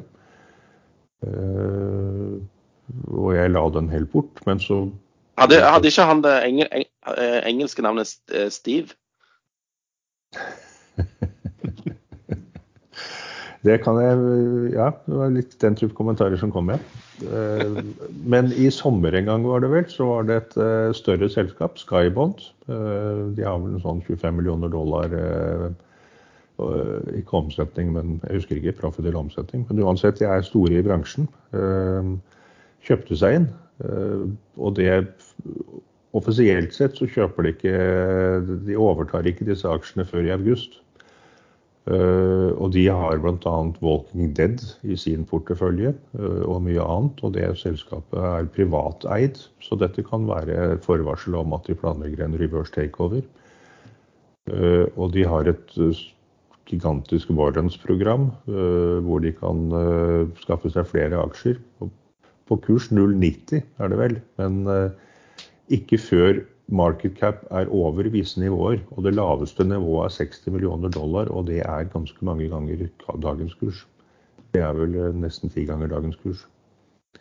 Så, så, at de har planer er tydelig. Eh, de vil komme over tilbudspliktgrensen hvis de innløser alle vårrensene de har rett på. Eh, og da er det jo litt interessant å se hva som skjer. Det er ikke sånn at tilbudsplikt betyr at andre eiere må selge. Så hvis hvis de kommer med tilbud på 90 øre og kursen ligger på 3 kroner, så, så vil du ikke få noen aksjer der. Men så er det da Skybond. De har igjen samarbeid med Hva heter det noe med boks? Uh, Sandbox? Mm? Sandbox, var det det? Sandbox, ja. Og Sandbox er jo øh, veldig interessant, for de har jo da de har jo både NTF, og de har Metaverse, og de har krypto, sin egen krypto. Så hvis det plutselig kommer noe sånn inn i Fift, og Fift eh, som da allerede er planlagt sidenotert eh, i USA på OTC-børsen i første omgang, hvis dette er en måte å få Skybond på børs som har samarbeid med, med Sandbox, så, så, så, er det ganske mange ting som kan dra den kursen veldig høyt. Og de har nå en presentasjon 10. onsdag. Onsdag 10. januar. Og da håper markedet på at det kommer noen oppklaringer eh, før eller på den presentasjonen. Så kursen er nå på 1,25. Den har falt ned fra over 1,50 var den på i går. Eh, men hvis det kommer veldig gode nyheter der, så, så kan det være stykke opp. Eh, jeg tok bare og googla. Han heter Steinar til mellomnavn, han eh, sjefen.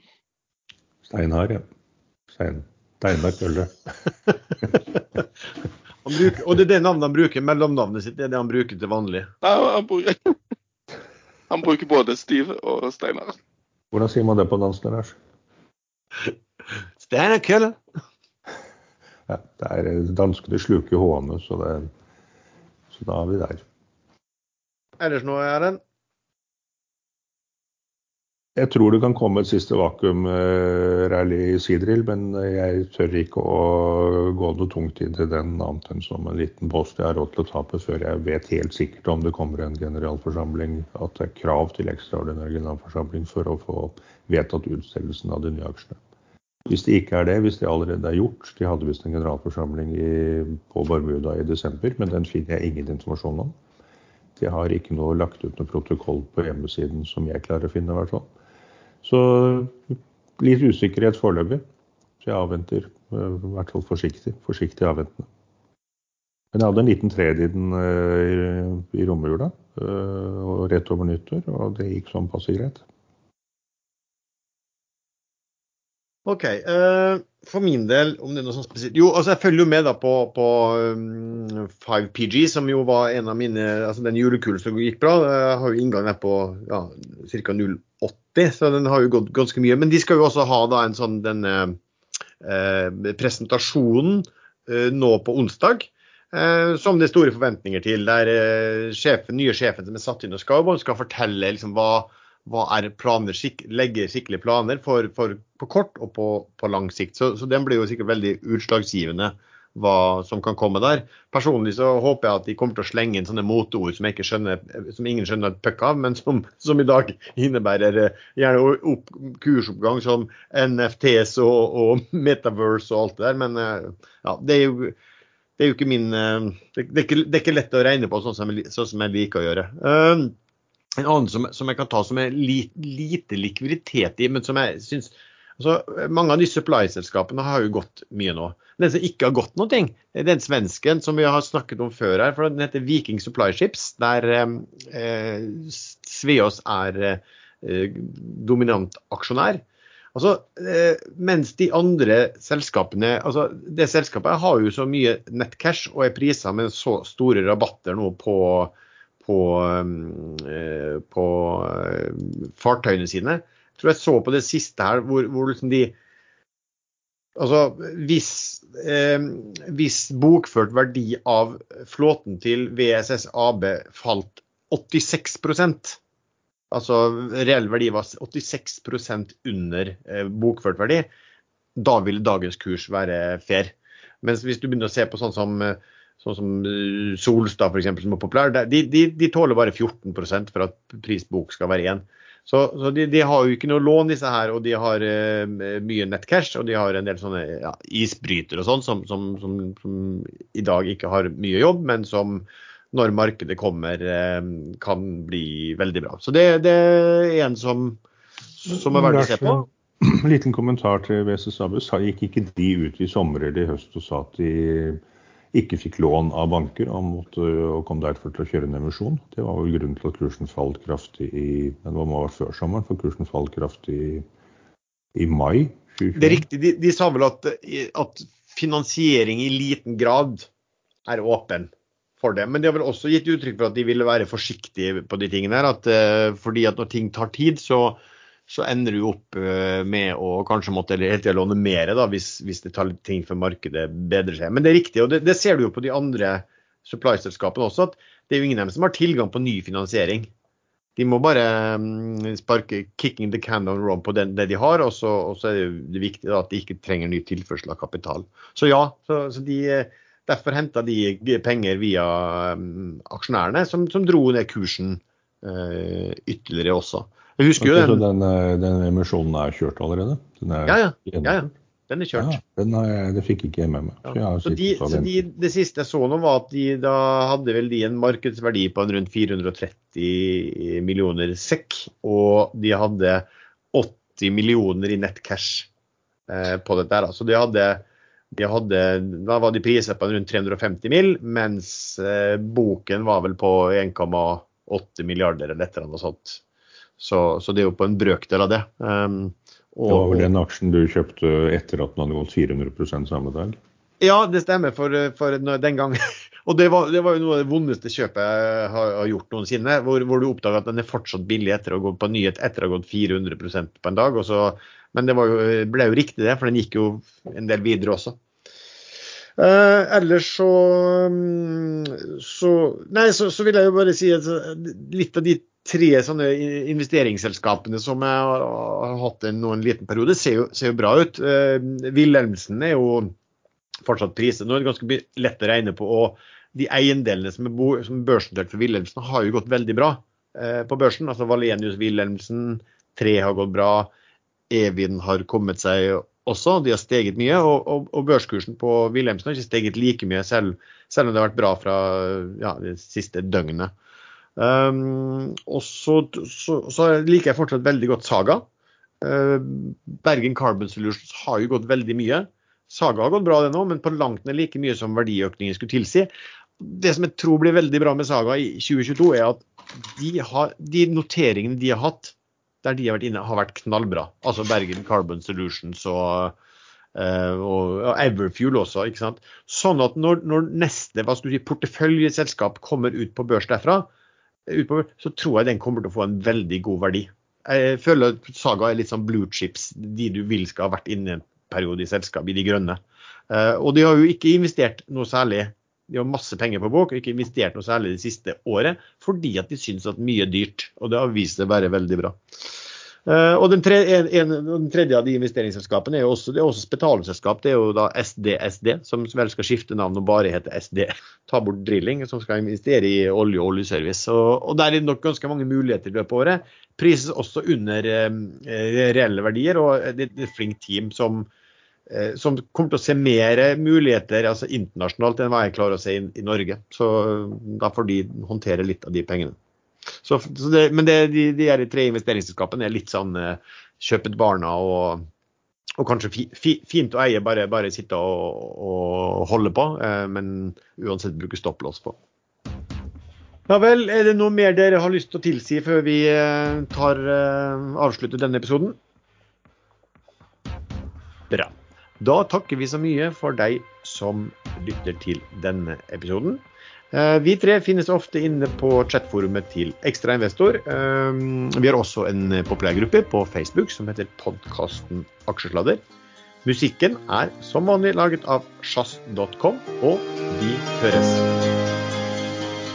Jeg lurer litt på om jeg skal endre litt på det der indeks... Uh,